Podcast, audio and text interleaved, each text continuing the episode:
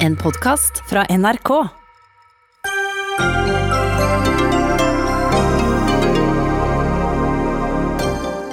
Valgthrilleren i Trøndelag Arbeiderparti fortsetter. Ny innstilling på fylkesleder skal være rett rundt hjørnet.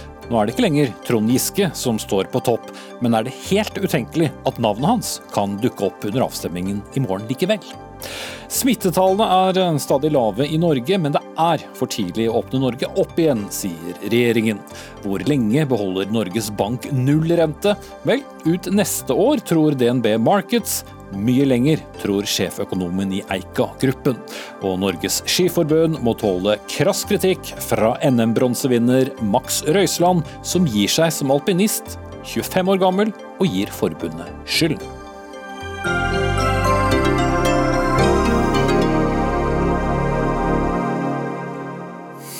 Da sier vi god fredagskveld og velkommen til Dagsnytt 18 med Espen Aas. I denne sendingen skal vi også innom USA-valget og snakke om fødselsoppfølging av kvinner.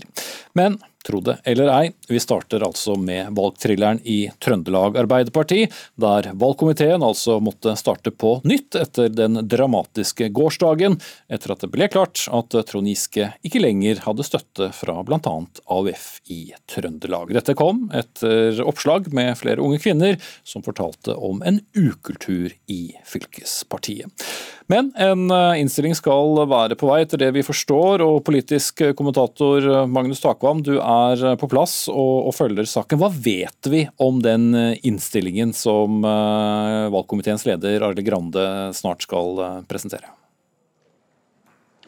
Ja, Valgkomiteen sitter rett ved oss her og er ikke, som du sier, helt ferdig ennå. Det var en av medlemmene ute et lite øyeblikk og sa vi er i ferd med å bli eh, ferdige, og antydet at det kunne skje i løpet av en knapp time.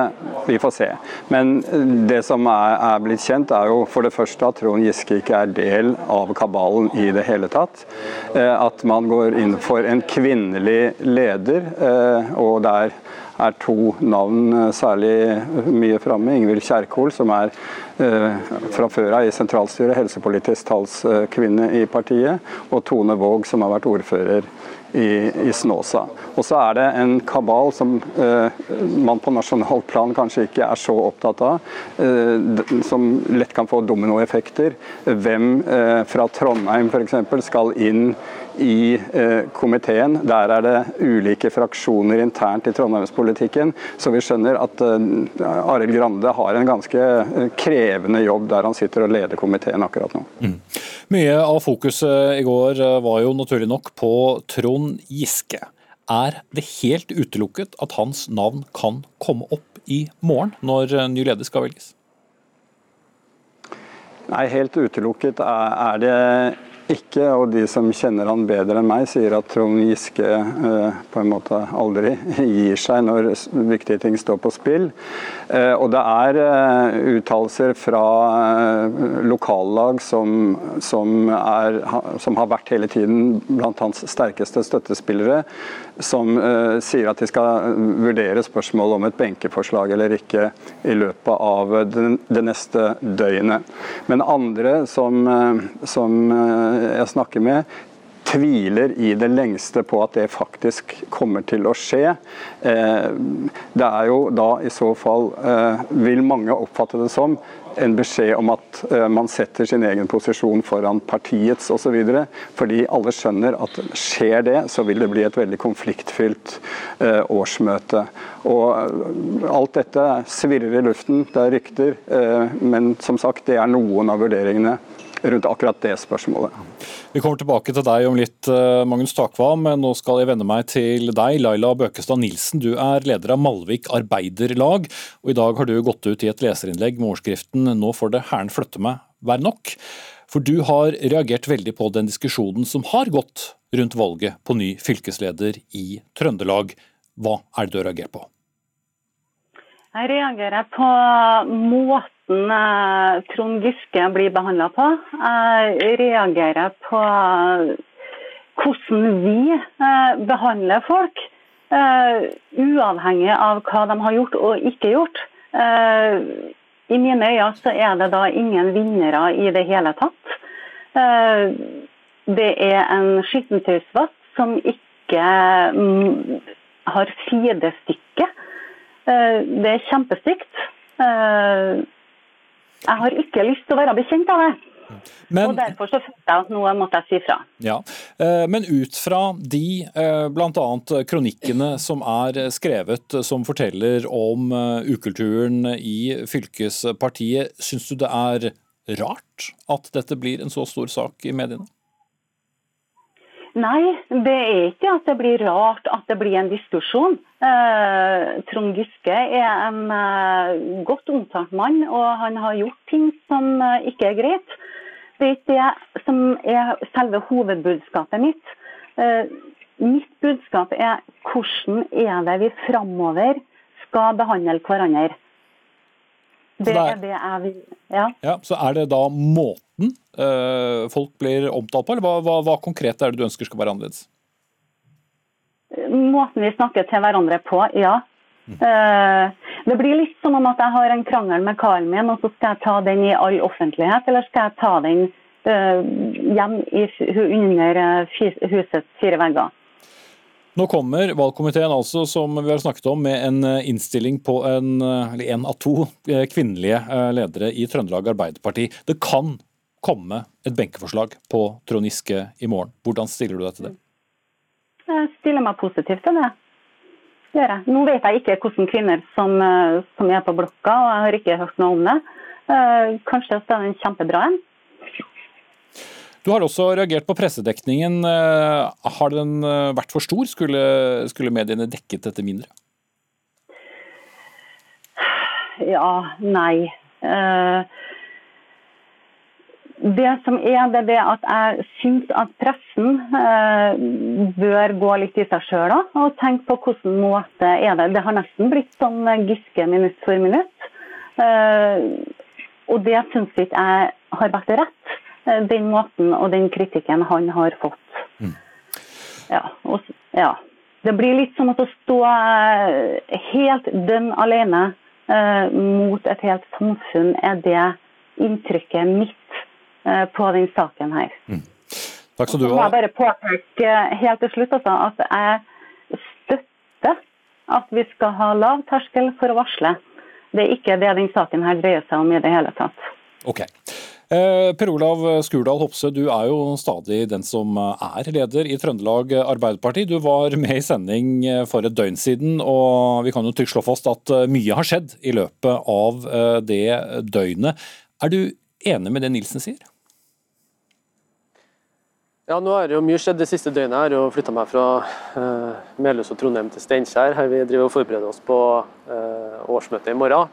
Uh, og jeg må jo si at det, som uh, Laila tar opp i, i, det å si her tidligere, det er jo mye av det jeg er enig i, og det er spesielt det som går rundt på måten vi omtaler hverandre på og snakker med hverandre om. Den siste uka har jo vært tøff. den har vært tøff for flere, både dem som har stått fram med de her historiene sine og fortalt det, som har følt på at det har vært veldig veldig tøft for dem. Og så skjønner jeg også, som Laila, at det her er også tøft for Trond og dem rundt han. fordi den situasjonen vi står oppe i nå, den tror jeg noen av oss som, som er her, greier å skjønne hvor, hvor tung faktisk er. Enten om man forteller de historiene om den kulturen, eller om man står i den situasjonen som Trond gjør i. Men hvis vi skal være litt eh, realistiske nå. Du snakket jo selv i går om eh, din kjennskap til eh, ukulturen som har vært i Trøndelag Arbeiderparti. Var det mye nytt som kom frem i løpet av det døgnet, som jo førte til at Trond Giske ikke lenger er innstilt som ny leder? Altså det har kommet fram nye ting eh, som har gjort at dette har blitt, eh, blitt, på den måten som det har gjort nå. Men det er jo som jeg sa i, i, i sendinga i går, og som jeg har uttalt tidligere, det er jo jeg tror det er viktig for oss å erkjenne at mye av den kulturen som de peker på, eh, har vært i partiet. Eh, og som jeg sa, det var i tid før 2017 og i tid etter 2017. Men det skal være mulig å si om det her. Si det som de sier, og jeg tror at vi har virkelig behov for å jobbe med kulturen. Eh, jeg skal si litt om det her i åpningstalen min i morgen. og Vi er i hvert fall ikke ferdige med å jobbe hvordan vi ønsker at det skal være i Trøndelag Arbeiderparti. Eh, og jeg mener jo det at Vi kan ikke være bekjent av å stå i en situasjon vi er i nå, der eh, alt fokus er på person, på hvordan vi snakker om hverandre og ikke med hverandre. Vi har behov for å ha så mye takhøyde at vi tør å snakke, snakke om det som vi har, vi har inni oss og ønsker å uttale. Eh, sånn at vi kommer oss videre. Fordi Vi er nå i en situasjon der vi har fokus på alt annet enn det som eh, både jeg og flere tror jeg var med, ble med i Arbeiderpartiet for, og det er å snakke om politikk. Tenker du at eh, det er riktig da, at det blir en kvinnelig arvtaker til den jobben du har hatt frem til nå? Nå har jo vi i det siste døgnet fått beskjed fra valgkomiteen som du refererte tidligere, at eh, de ikke lenger hadde en enstemmig innstilling. Eh, så har jo vi i AU bedt dem jobbe fram med det. Eh, så er det jo flere stemmer i partiet i prosessen som har vært, som har uttrykt at man ønsker en kvinnelig leder. og Nå skal nå valgkomiteen jobbe fram med det der, og så får vi nå se hva valgkomiteen kommer fram til med, med innstilling. da. Mm. Takk skal du ha, Per Olav Skurdal Hopsø stadig leder av Trøndelag Arbeiderparti. Berit Aalborg, politisk redaktør i Vårt Land, du har også fulgt denne nærmest minutt for minutt-utviklingen i, i, partiet. Men la oss bare ta det som begge har tatt opp her. Pressedekningen, denne voldsomme dekningen. Har pressen gått for langt, slik som Nilsen mener? Du kan si at eh, Sånn som vi kanskje så forrige runde med Giske-dekning, så er nok trøkket, det totale trøkket veldig stort. og det, det, det, forstår jeg at er veldig krevende. Eh, på den andre sida så, så, eh, går jo altså Giske kritiserer jo en del av de sakene som har kommet frem, og de har han jo virkelig fått rikelig anledning til å svare på. Alle de sakene jeg har sett, i hvert fall med beskyldninger mot han, og det har han ikke gjort. Så, så på den sida så, så, har han ikke liksom villet komme med en alternativ uttalelse om det. Og så må jeg også si at Giske, og spesielt hele det miljøet rundt han, har jo vært veldig aktiv i å bruke pressen og komme med utspill og komme med sine synspunkter. Så jeg syns kanskje det er litt urimelig at han går til angrep på enkeltsakene som har vært dekket i denne saken. Mm. Men har eh, avisene ettergått disse sakene nok? Det er jo ikke alle som f.eks. ønsket å omtale den siste varslersaken som kom eh, i går. Nei, og det er det flere som ikke har valgt å gjøre. og Det, det, det kan være riktig å, å, vente med å gjøre det til man vet hva som ligger i den. Um, men når det gjelder de andre sakene, så har man jo faktisk fått presentert uh, disse unge jentene som har stått frem. Og man har ønska aktivt og gått ut og bedt Giske om å kommentere det. Og da, da, da mener jeg at da man virkelig liksom prøvd og man har jo også Det er flere av disse sakene hvor det har vært vitner til stede, men man har virkelig prøvd å få Giske da til å, å si sin del av historien. Og Det burde han kanskje da ha gjort, hvis han ønska å ha et alternativt syn eller sitt syn på det. Mm. Ja, får jo bare si at Vi eh, også i dag eh, har eh, gitt Trond Giske muligheten til å kommentere saken. Han har ikke besvart den henvendelsen. Magnus Takam, du følger stadig med oppe i, i, i Trondheim. Når det gjelder eh, Trond Giskes videre liv, så skriver du bl.a. Eh, i en kommentar nå i ettermiddag at eh, du tviler på at han blir nominert som stortingskandidat neste år. Hva legger du i det? Nei, det er i hvert fall en uh, vurdering. Fordi dersom det går slik uh, det ser ut til nå, uh, altså at Trøndelag Arbeiderparti ikke gir Trond Giske den tilliten som skal til for å bli valgt inn i partiets styre, så tyder det åpenbart på en tillitssvikt fra eh, et flertall i fylket, som uh, harmonerer dårlig med det å gi uh, han da en stortingsplass. Så det er logikken der. Men det er en vurdering her og nå. mye kan skje, selvfølgelig. Men fristen for for nominasjon i, i Trøndelag Arbeiderparti er allerede 1.9. Den fristen er blitt utsatt. Så det er eh, en veldig tett, eh, tett eh, deadline for det spørsmålet også. Så det blir uansett en veldig spennende prosess, selvfølgelig. Vi kommer tilbake til deg, Magnus Akam, så fort det skjer noe mer der du er. Til slutt, Berit Aalborg, vil det bli et annerledes Trøndelag Arbeiderparti nå, ut fra de to kandidatene som det står mellom? Nå får vi forhåpentligvis, eller kanskje i hvert fall vite om det blir en samstemt innstilling om kort tid.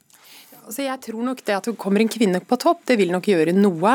Eh, men jeg, de, de, er veldig forskjellige, de to kandidatene som ligger der. Kjerkol har jo på en måte, hun er en sentral person, hun har vært en viktig del av det miljøet. Og mange mener jo også at hun står relativt tett på Giske. Hun har vært veldig forsiktig med å uttale seg. Hun har også holdt seg tilbake fra å være kandidat fordi han var kandidat.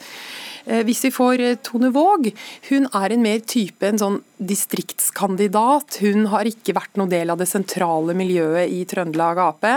Og hun har også vært, eh, allerede før Giske trakk seg, så har hun ønska å være en motkandidat fordi hun snakka om et mannsparti eller et gubbeparti.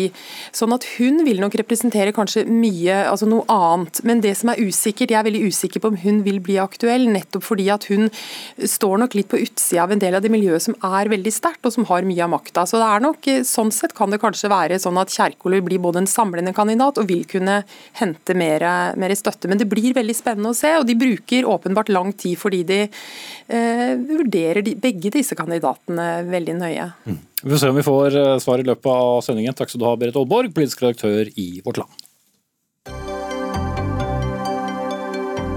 Hør Dagsnytt 18 når du vil. Radio NRK Radio.nrk.no.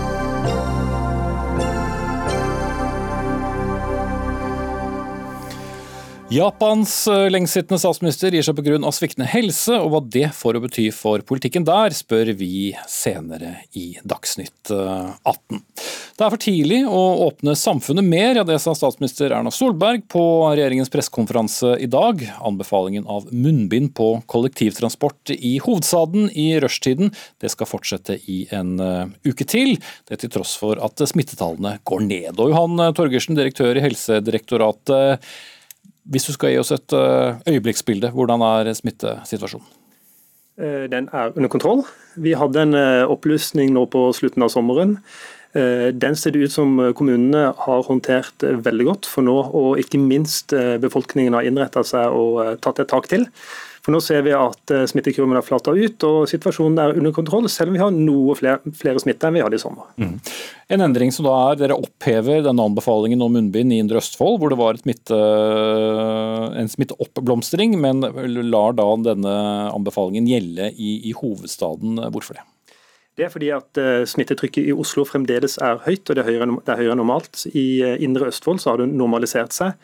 Eh, hvorvidt vi gir råd om bruk av eh, munnbind er eh, sterkt knytta til den konkrete og spesifikke smittesituasjonen på, i ulike regioner og kommuner. Mm. Men har dere noe grunnlag for å si at denne munnbindanbefalingen som sådan gir noen effekt?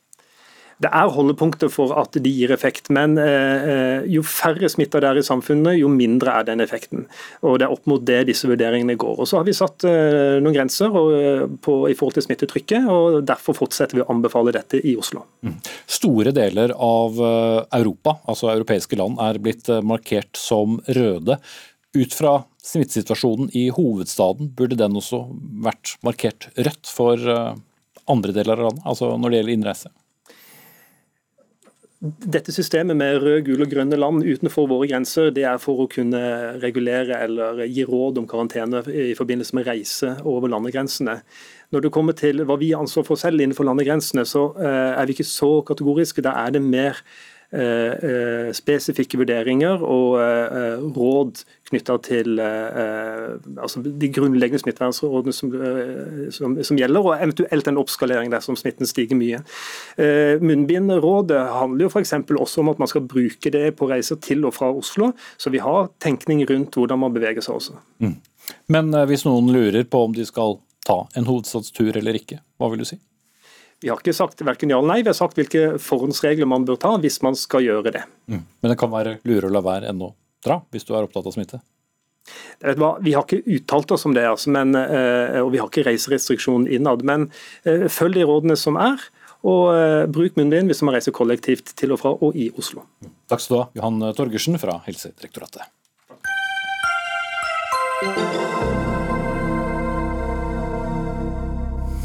Hva slags oppfølging trenger kvinner etter en fødsel? Vel, i dag er det opp til kvinnene selv og fastlegen hva slags undersøkelse de som har født, får. Men uh, dette er ikke godt nok, sier du Oda Weide Krogh, tobarnsmor og programleder i podkasten Familieliv. Dette har uh, opptatt deg. Hvorfor er ikke dagens system godt nok? Eh, det er ikke godt nok fordi eh, kvinnen blir ikke fulgt opp tilstrekkelig. Eh, både i kanskje spesielt siste trimester, men spesielt etter fødsel, da, i barseltiden. Så faller hun litt utafor systemet. Mm. Men hvor tett oppfølging trenger kvinner generelt? da? Mye mer enn det som er i dag. Eh, jeg tenker også at eh, man får eh, ganske tett oppfølging i svangerskapet. Og det mener jeg rett og slett at man skal få i de tre månedene etter man har født. Mm. Mm. Og hva går det på konkret? Hva slags oppfølging?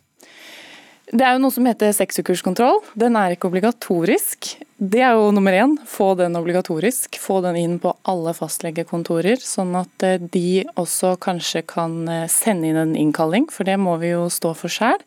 Og alle som har født, vet jo at eh, man er ganske sliten og preget av hormoner. Og ja, mange sliter jo med andre ting òg. Og så mener jeg at denne 6-7-kontrollen den eh, burde inneholde eh, muligheten for å få en eh, undersøkelse, altså en gynekologisk undersøkelse. Da. Mm. Uh, og nettopp fordi du er da en, en offentlig person uh, som uh, er opptatt av familieliv, så oppretter du da en emneknagg, bekkensjekken. Mm. Ja. Hva vil du med den? Jeg ville nettopp at kvinner over hele Norge skulle forstå at eh, bekkenet og, eh, og kvinnekroppen etter fødsel, den Du får ofte kommentarer eh, 'det går seg til, sånn er det'. Vent litt til, så tar vi det da, fordi nå har du nettopp født og mye er i endring. Det er det. Men jeg ville at flere kvinner, som jeg også har skjønt nå, skulle forstå at det er lov Stille med krav. Stille med krav. Mm. Kari Mogstad, du er fastlege og spesialist i allmennmedisin. Du har skrevet en ytring om at trender på f.eks. Instagram og Facebook har begynt å styre hva som blir snakket om under legetimen. Er du da skeptisk til eh, emneknagger som denne bekkensjekken? Nei, aller først da, så berømmer det virkelig for å ha oppretta bekkensjekken-emneknaggen. Eh, fordi jeg er så enig i at vi generelt nødt til å få et økt fokus på kvinnehelse, noe jeg har jobba for i mange år, og også ikke minst barselkvinnens eh, dårlige oppfølging, som jeg har eh, alarmert om før. Så der er vi, vel, vi er faktisk veldig enige om veldig mye. Det er skrevet i den ytringa, da, som ser jo det at det klart var noe som kanskje ble litt sånn Du virket litt krassere enn du er nå? Ja, jeg, jeg ser jo det sjøl. så jeg var jo det, så det er lov å på en måte, sant, ja, det er lov å nær korrigere seg sjøl litt, sånn, men det er noen ganger at man kanskje jeg kjenner på litt sånn frustrasjon eller litt sånn oppgitthet som, som fastlege. da, Dere sitter og har masse gravide og masse barselkvinner eh, sjøl. Og og det står jo for her, at jeg ser at de blir fylt opp med veldig mye informasjon og masse intensitet fra sosiale medier, bl.a. litt sånn hashtag-lignende ting. Så, så det, på en måte, det snakker kanskje med to tunger her, men eh, men det blir Men, men er ikke poenget ditt at du er litt skeptisk til ja. at uh, det igangsettes uh, kampanjer uh, som i, i, mange situasjoner dermed kan overprøve det en lege skal gjøre, hvis jeg forstår det riktig? Ja, på en måte så, så opplevde jeg i hvert fall Som sagt, Oda sin initiativ kjempefint. Og så var det på en måte den måten kanskje hos Stine men Sartmann beskrev at du kan liksom gå til seksukerskontrollen og få tatt bekkensjekken. og Der jeg forsøkte å på en måte forklare at det, er to forskjellige ting på et vis. for bekkensjekk hashtaggen, hva er det? Spørsmål, altså, jeg tror mange av dem som følger de hashtagene her, er litt forvirra. Hva er det for bekkenet og bekkenets eh, beskaffenhet består av så mange ting, og ikke minst plager som kvinner har etter fødsel da, og i svangerskapet. Så det, på en måte ble litt, sånn, eh, det ble litt forvirrende for meg. Hva er det egentlig de mener?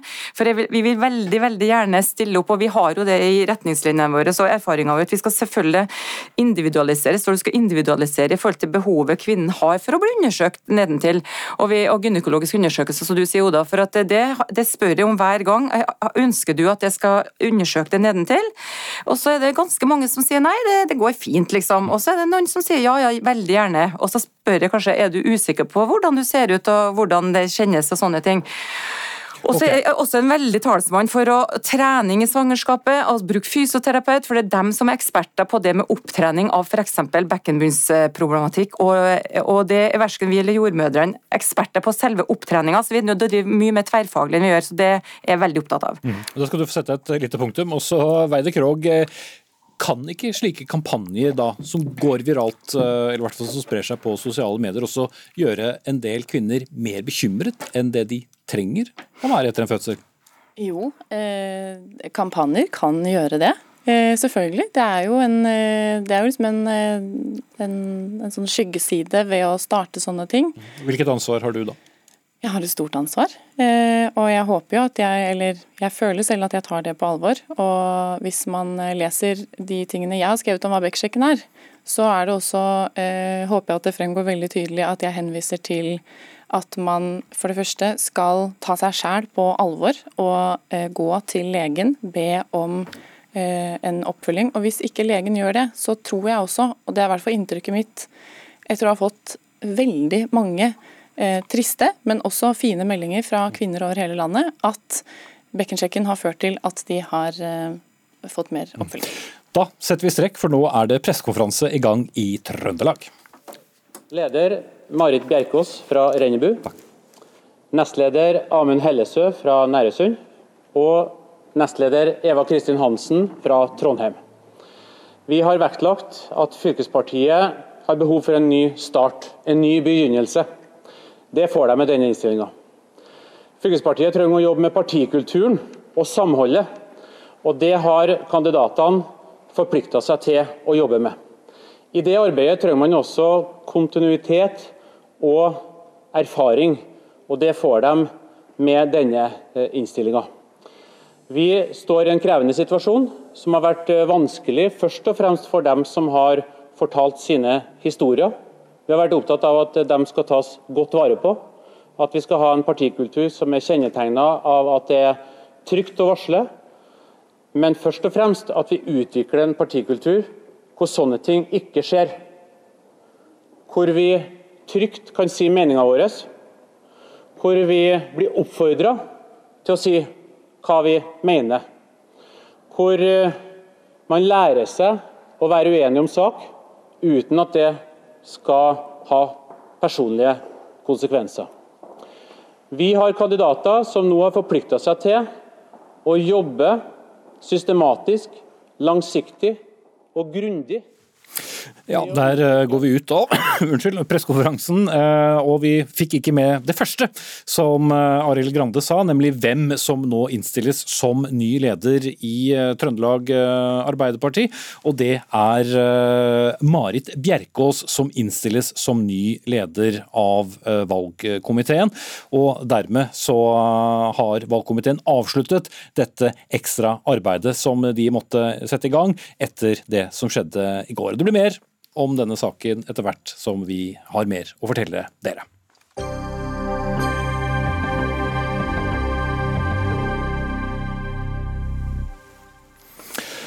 Da eh, skal vi til Japan, vi. For eh, etter åtte år som statsminister i Japan ble det i dag kjent at Shinzo Abe nå går av. På en pressekonferanse sa han at det skyldes hans personlige helsetilstand, som gjør det stadig mer krevende å styre landet. Verdens tredje største økonomi skal dermed finne en ny politisk leder. Og Philip eh, Lote, utenriksmedarbeider her i NRK, du var tidligere Asia-korrespondent. Hva er det egentlig som nå skjer i Japan? Det som skjer, er at uh, Shinzo Abe har sagt at pga. egen helse så klarer han ikke å fullføre denne perioden som uh, statsminister, og ba om unnskyldning for det. Og så ba han samtidig om unnskyldning for at han ikke har levert på tre valgløfter. Det ene er å få tilbake japanske borgere som for flere tiår siden ble bortført til Nord-Korea. At ikke han har løst grensetvister med Russland. Og at han ikke har klart å endre Japans pasifistiske grunnlov. Eh, ikke helt uventet, for han har i lang tid slitt med helse. Han har et uh, problem med tykktarmen som han har levd med nesten hele livet, men som nå har blitt verre. Og som han nå sier gjør det vanskelig for han å konsentrere seg uh, om jobben, fordi at han er nødt til å uh, pleie dette og gå til daglig behandling. Men han sier at han skal fortsette til en erstatter er på plass. Så her fra Brussel hvor jeg er nå, og på tvers av kloden fra USA og også inn i Beijing, så venter man nå ganske spent på hvordan denne da maktkampen han nå har utløst kommer til å ende, og hvem som blir Japans neste statsminister. Mm. Det var faktisk mandag denne uken at han ble Japans eh, lengstsittende statsminister, og har sittet altså åtte år ved makten. Hvordan blir han husket? Han vil bli husket som eh, en som eh, førte videre et dynasti. Hans bestefar var statsminister, hans far var utenriksminister. Han var den yngste statsministeren i Japan etter krigen, da han vant første gang i 2006, men bare regjerte ett år. Og da han gikk av i 2007, så ble han da i 2012, når han vant på nytt, den første som har blitt gjenvalgt etter å ha gått av etter krigen. Så han er en stayer, en, en som slåss.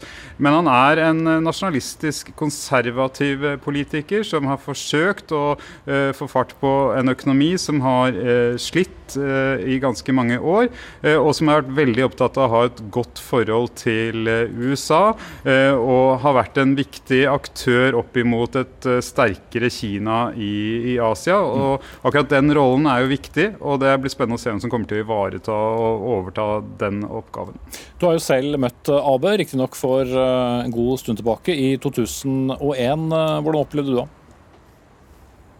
Ja, Da ble han pekt på som en av de lovene, altså de, de som var oppe og kommende i japansk politikk. Han var på vei inn i en rolle som eh, sekretær, kabinettsekretær i regjeringen til Yunishiro Koizumi.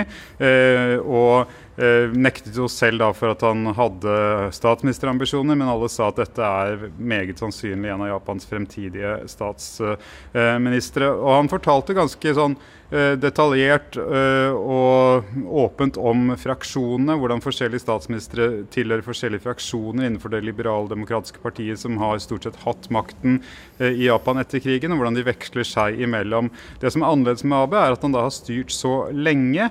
Eh, og det var jo da rart å sitte og tenke på nå at man satt og snakket med den personen da som eh, har styrt Japan lengst etter andre verdenskrig. Mm. Men han var pragmatisk, rolig og holdt seg til uh, fakta. Men det var ingen tvil om at det var en ganske selvsikker uh, politiker med, som uh, man kunne som selv kanskje ante at han kom til å få den viktigste regjeringssjefsjobben. Mm. Takk skal du ha, Philip Lote. Petter Lindgren, samfunnsøkonom og Japan-viter. Du omtaler Abe som en konservativ politiker, men nordmenn flest kjenner ikke så godt Japans politiske system. Hva betyr det? Nei, I en uh, japansk kontekst så betyr det å være konservativ at man er pro næringsliv. Man er opptatt av at japanske selskaper skal gjøre det bra. Man er opptatt av å legge til rette for, um, for økonomisk vekst. Uh, det er det ene. Det andre er at man er en et sterk tilhenger av et sterkt forsvar. Man er opptatt av å styrke den japansk-amerikanske alliansen, som på en måte er Asias svar på Nato. Eh, og det tredje er som ble nevnt her, at man er eh, litt mer nasjonalistisk anlagt og er opptatt av eh, nasjonale symboler. Man er opptatt av å slåss om å definere hvordan japansk historie skal defineres, spesielt av det japanske imperiet og den andre verdenskrig osv. Mm.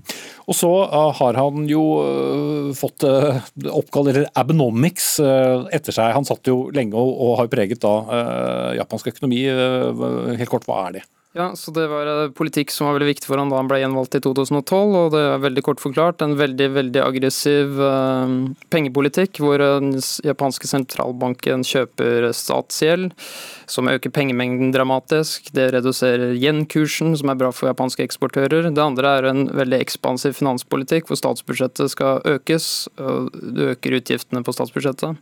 Og Det tredje er å få til strukturelle reformer, som kanskje tar litt lengre tid, og øke dynamikken dynamikken i arbeidsmarkedet, få flere i, uh, i sysselsatt, sysselsatt, og øke kvinneandelen i japansk uh, arbeidsliv osv. Mm.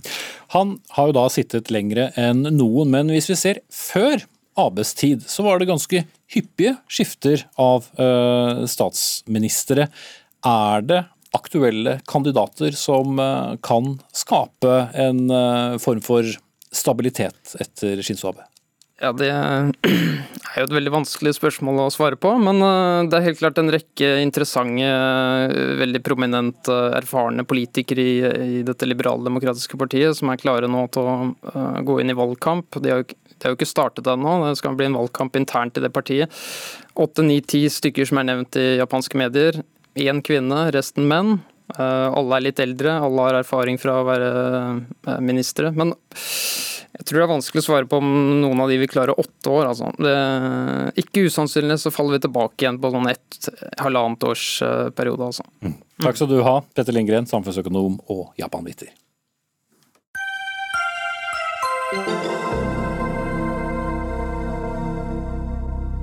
Vi fortsetter utenriks, vi. For eh, med mindre man har levd på en annen planet, så er det altså valgkampstart i USA. For i natt så takket Donald Trump offisielt ja til fire nye år som amerikansk president til sitt eget parti. Det skjedde under republikanernes landsmøte, som ble avsluttet med fyrverkeri som stavet Trump 2020. 20. Sigrid Rege Gårdsvold, skribent på amerikansk politikk.no. Dette har jo ikke vært et landsmøte som eh, andre landsmøter, verken hos demokratene eller republikanerne. Men hvis du skal oppsummere det du har sett gjennom eh, denne uken? Det er, det er ganske mørkt. Det er en, en dyster visjon av hva som kommer til å skje med Amerika hvis Joe Biden blir valgt. Før landsmøtet så sa Donald Trump at dette kommer til å bli en en positiv, eh, et positiv uke der en skulle snakke mye om planene som en har for Amerika de neste fire årene. Eh, I motsetning til Demokratenes landsmøte, som han mener fokuserte veldig negativt. Og så ser vi etter denne uka at det har blitt, eh, det har blitt mye skremming. Mm. Og det demper vel neppe den polariseringen som vi ser og har sett gjennom lang tid i USA? Nei, absolutt ikke. Det, dette er bare starten på tre ganske lange måneder fram mot 3.11, som kommer til å bli det kommer til å bli skarpere og skarpere retorikk av denne typen på begge sider, tror jeg. En ting som har preget eh, USA over lengre tid, har jo vært eh, mange opptøyer, Black Lives Matter. Men Trump sa også at han har gjort mer for svarte i USA enn eh, noen president har gjort helt tilbake siden Abraham Lincoln. Hva er det han har gjort? Nei, altså det Hva han mener at han har gjort, det er litt vanskelig å vite. Men eh, de viser ofte til en statistikk som viser at eh, arbeidsledighet blant svarte eh, amerikanere har gått, var på sitt laveste da før koronaen slo til. Det som de da ikke nevner, at det er jo en, en del av en trend som har gått over mange år. Sånn at det er jo ikke en om Trump har gjort noe spesielt for å, å spesielt få det til, det er ikke så godt å si. Mm.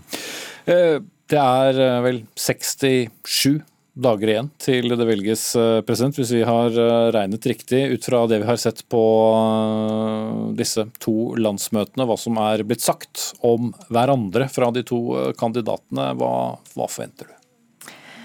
Nei, jeg tror at det som vi så i den 70 minutter lange talen som Trump hadde natt til i dag, der var mye av det som kommer til å komme om igjen og om igjen de neste tre månedene. Det handler om at eh, Joe Biden er en trojansk hest for sosialisme. Eh, han kommer til å ta med seg politikken til Bernie Sanders inn i Det hvite hus. Han kommer til å ødelegge nabolagene dine, han kommer til å, å knuse lokalsamfunn. Abort kommer til å bli fritt tilgjengelig hvor som helst. når som, altså, det, det, det er ganske mørkt. Ja, det blir eh, mye å følge med på, og vi skal gjøre det her i Dagsnytt 18. Takk skal du ha, Sigrid Rege Gårdsvold, skribent hos amerikanskpolitikk.no.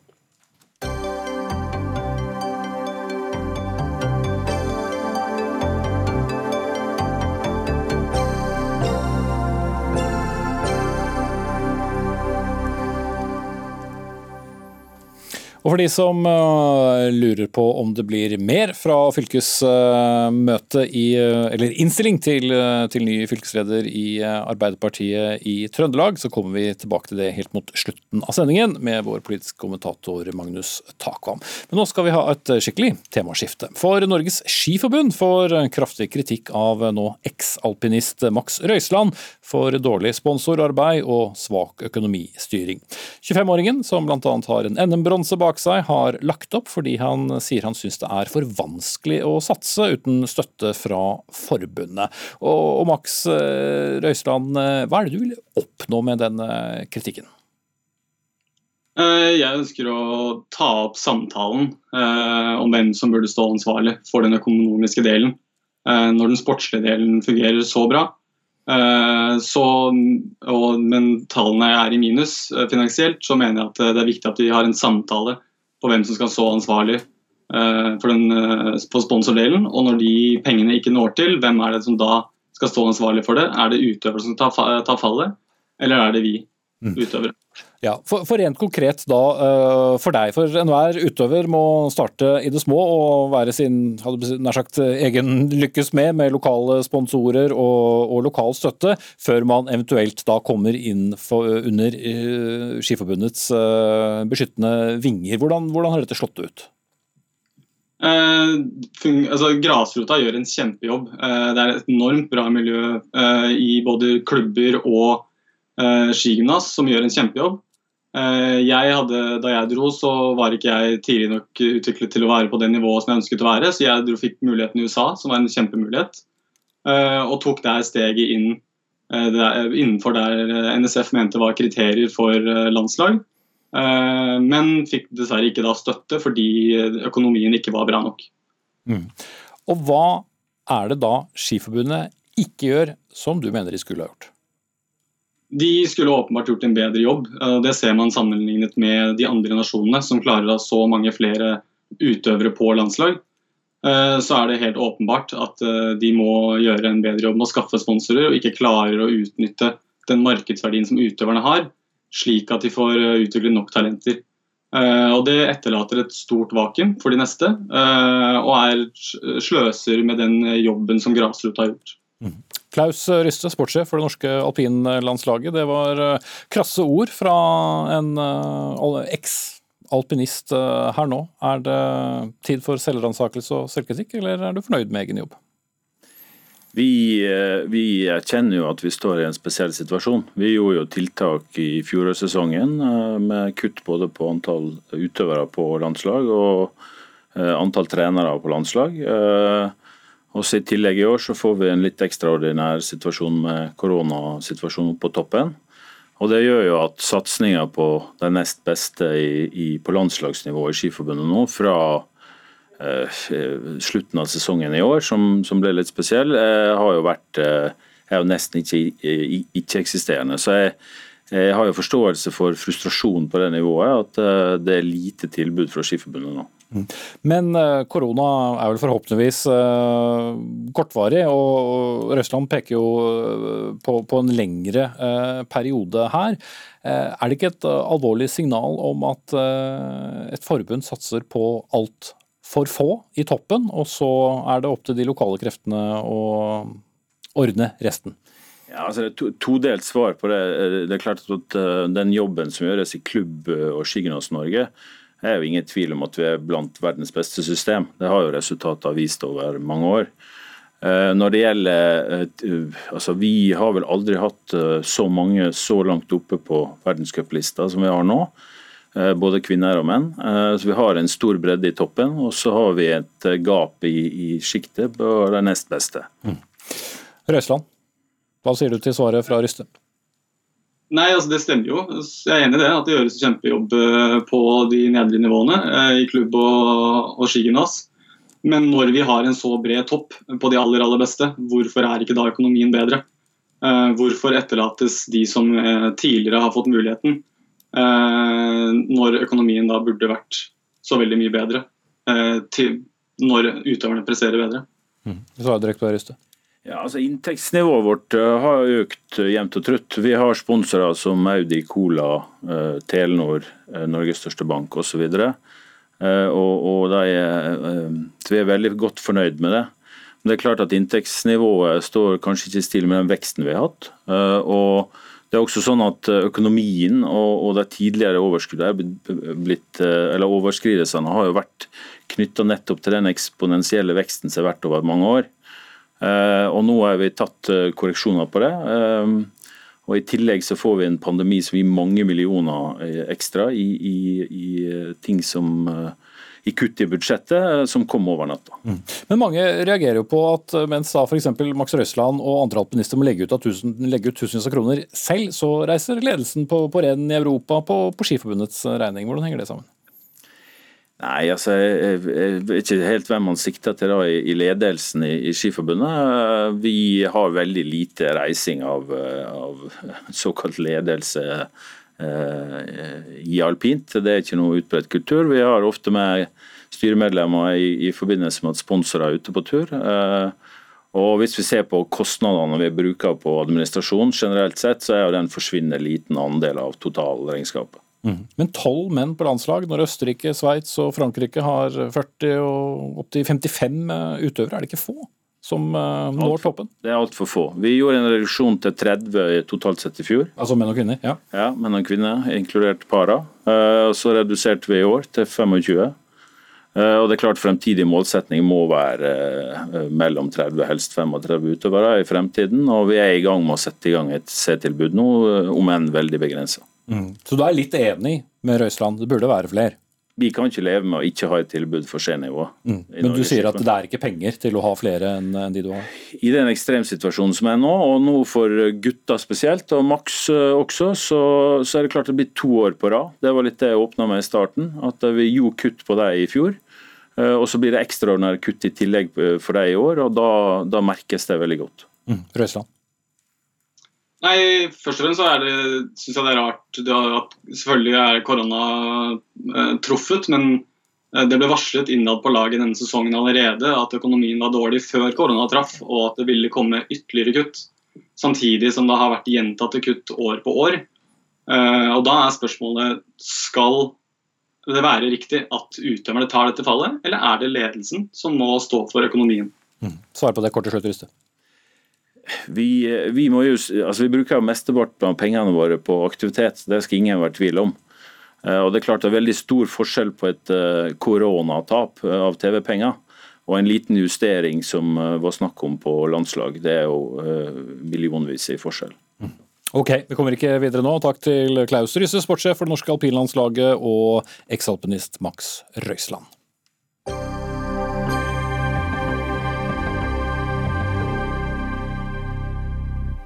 Og da skal, vi, eh, da skal vi tilbake vi, til valgthrilleren valgtrilleren i Trøndelag. Trond Giske trekker seg både som kandidat til Stortinget og lederkandidat til Trøndelag Arbeiderparti, mens altså Marit Bjerkås, som jeg sa tidligere, er innstilt som ny leder i Trøndelag Arbeiderparti. Og eh, Magnus Takvam, hvordan, hvordan blir disse nyhetene mottatt?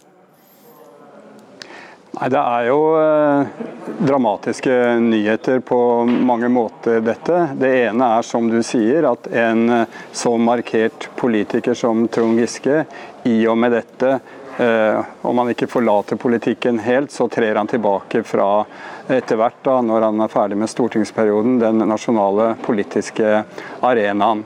Og eh, jeg tror nok eh, med all den debatten som har vært rundt dette, så er, er, er det en en uh, sak som, som uh, også hans motstandere vil si er, er vemodig. Det er, det er, på en måte ingen som har grunn til å på en måte uh, feire det. Det er en, en, stor nyhet, og det er konklusjonen. Han sier jo også i denne meldingen han har lagt ut, at han overhodet ikke vil vurdere å stille med et benkeforslag, og anbefaler sine tilhengere rundt om i, i Trøndelag å, å støtte det, den ledelsen som nå blitt, kommer til å bli valgt på eh, årsmøtet. Trond Giske kaster uh, altså uh, kortene, men han har hatt sterke støttespillere. Vil det nå bli ro både innad i partiet på, på landsbasis og i fylkespartiet? Forutsetningene for det er i hvert fall eh, bedre enn det eh, de noen gang har vært, når det gjelder i hvert fall det eh, vi har blitt vant til å kalle Giske-saken. Så svaret på det er, er, nok ja. Det er klart det er en del av hans tilhengere som, som er skuffet og frustrerte over det som skjer. Vi hørte det senest i, i denne sendingen i, i begynnelsen, som mener at Giske har blitt utsatt for eh, et umenneskelig press og blitt dårlig behandlet.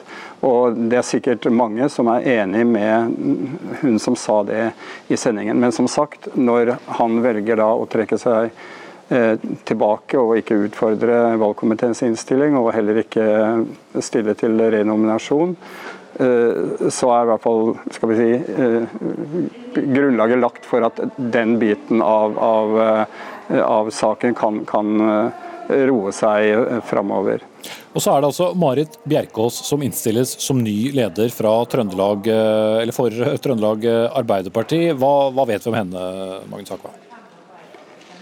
Nei, altså Jeg kommer jo hit fra Oslo og skal ikke late som jeg er på en måte en insider i Trøndelag, men eh, Marit Bjerkås er, er eh, varaordfører i Rennebu. Hun er en ung politiker i 30-årene og har også vært AUFs uh, kandidat uh, inn i ledelsen. Eh, så det var et spennende valg. Eh, som vi var inne på tidligere, så har også andre vært eh, på blokka, nemlig Ingvild Kjerkol. Helsepolitisk talsperson for Arbeiderpartiet Stortinget, sitter i sentralstyret fra før.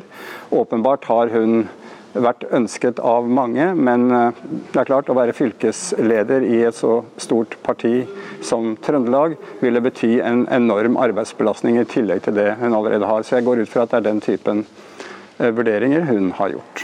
Da sier vi takk til deg denne omgang, eh, Magnus eh, Takvam. Og så er det vel neppe tvil om at det vil komme mange reaksjoner på det som nå er skjedd, videre utover.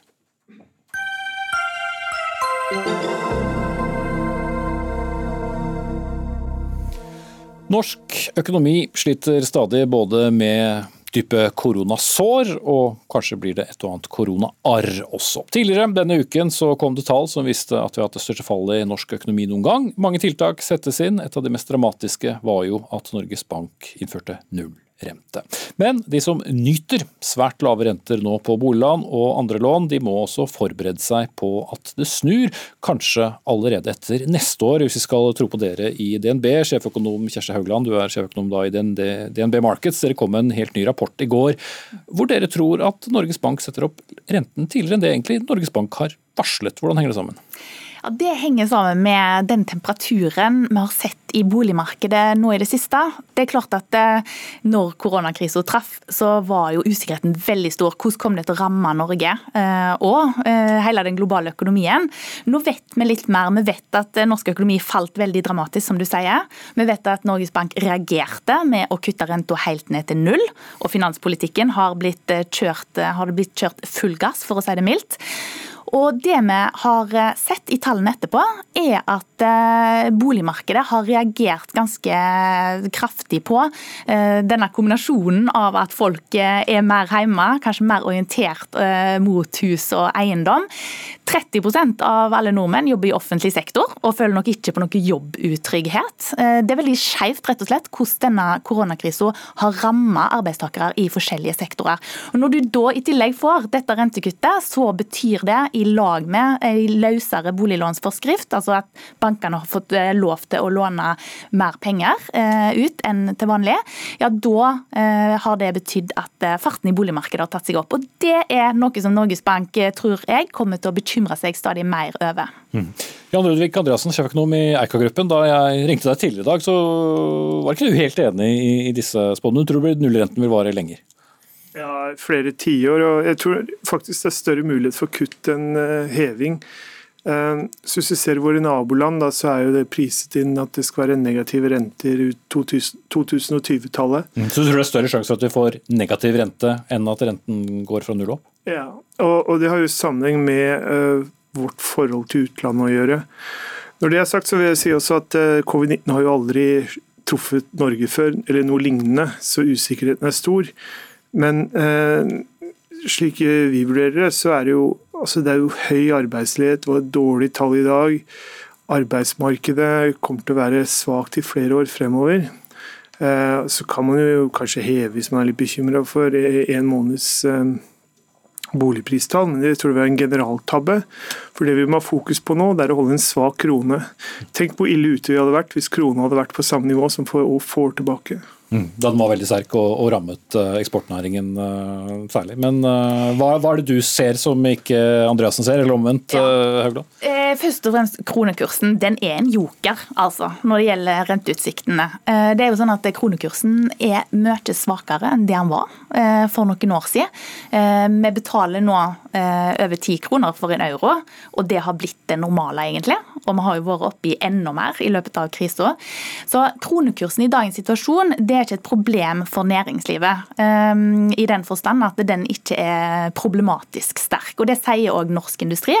At ja, kronekursen er svak, og dermed positiv for industrien.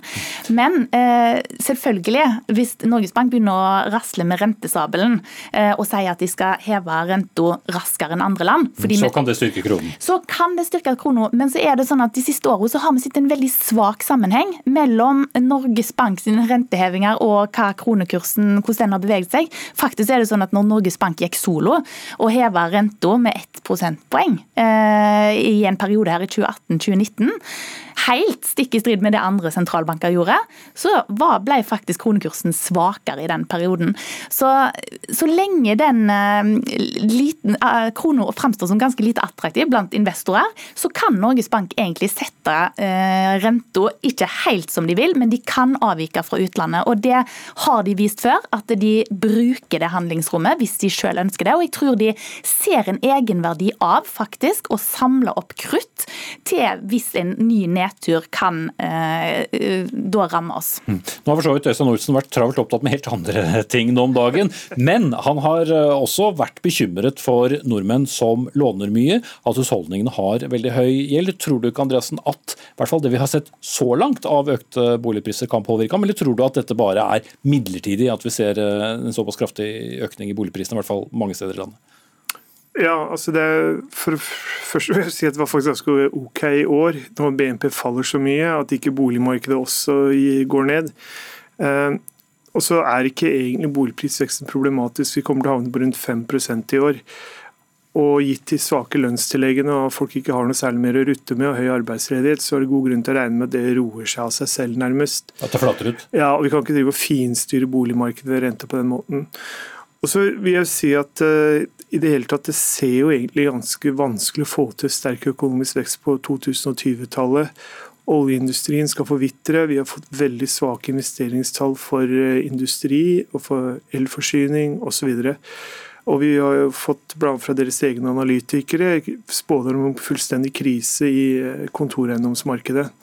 Så jeg tror at når vi nå sitter med en ledighet som er skyhøy mm -hmm. 216 400 var tallene som i dag. Det er en stor tabbe å være for fokusert på disse her eh, mer perifere størrelsene. Mm, ja, nå er det jo sånn at eh, I begynnelsen av 2022 det og det er tidspunktet vi forventer denne første rentehevingen på, eh, da vil jo vi ha kommet et godt stykke opp fra bunnen. Vi ville ha sett en videre forbedring av økonomien fra der vi er nå. Det vil ikke, jeg tror vi kommer til å være veldig sterke tilstander i norsk økonomi, så sånn sett så kunne vi holdt renta låg lenge. Og så er det selvfølgelig sånn, En kan kanskje eh, lure på om det er det rette og, og, reagere med sånn som Jan Andresen sier her, med å finstyre økonomien med renta. Men faktum er at Norges Bank selv legger vekt på å lene seg på vinden, altså prøve å dempe tendenser til at finansielle ubalanser bygger seg opp. Og Sånn er det, og det må vi når vi skal snakke om forventninger til videre renteutvikling, ta inn over oss at Norges Bank ser det som viktig. Norges Bank vet at når boligprisene vokser sterkere, da tar òg gjeldsveksten seg opp. Gjeldsveksten er rekordhøy i Norge, og han er mye høyere enn, gjeldsbyrden er mye høyere enn i andre land. Og Det betyr nok at Norges Bank eh, faktisk kommer til å følge opp med en renteheving fra dagens nullnivå. Men ikke kraftig opp, og ikke raskt opp, okay. men opp. Men eh, til den litt mer målstemte i forsamlingen. da, Andreasen, vi har jo også eh, Nå på mandag så forsvinner jo denne kompensasjonsordningen for koronarammede bedrifter. Ledigheten går riktig vei, men ikke så, det er langt igjen til, til der vi var. Hva er du mest skeptisk for, eller kommer til å følge mest med på når det gjelder da fastlandsøkonomien framover? Det blir jo i stor grad arbeidsmarkedet. og Det er jo veldig farlig denne politikken nå også regjeringen kjører, skal stramme inn.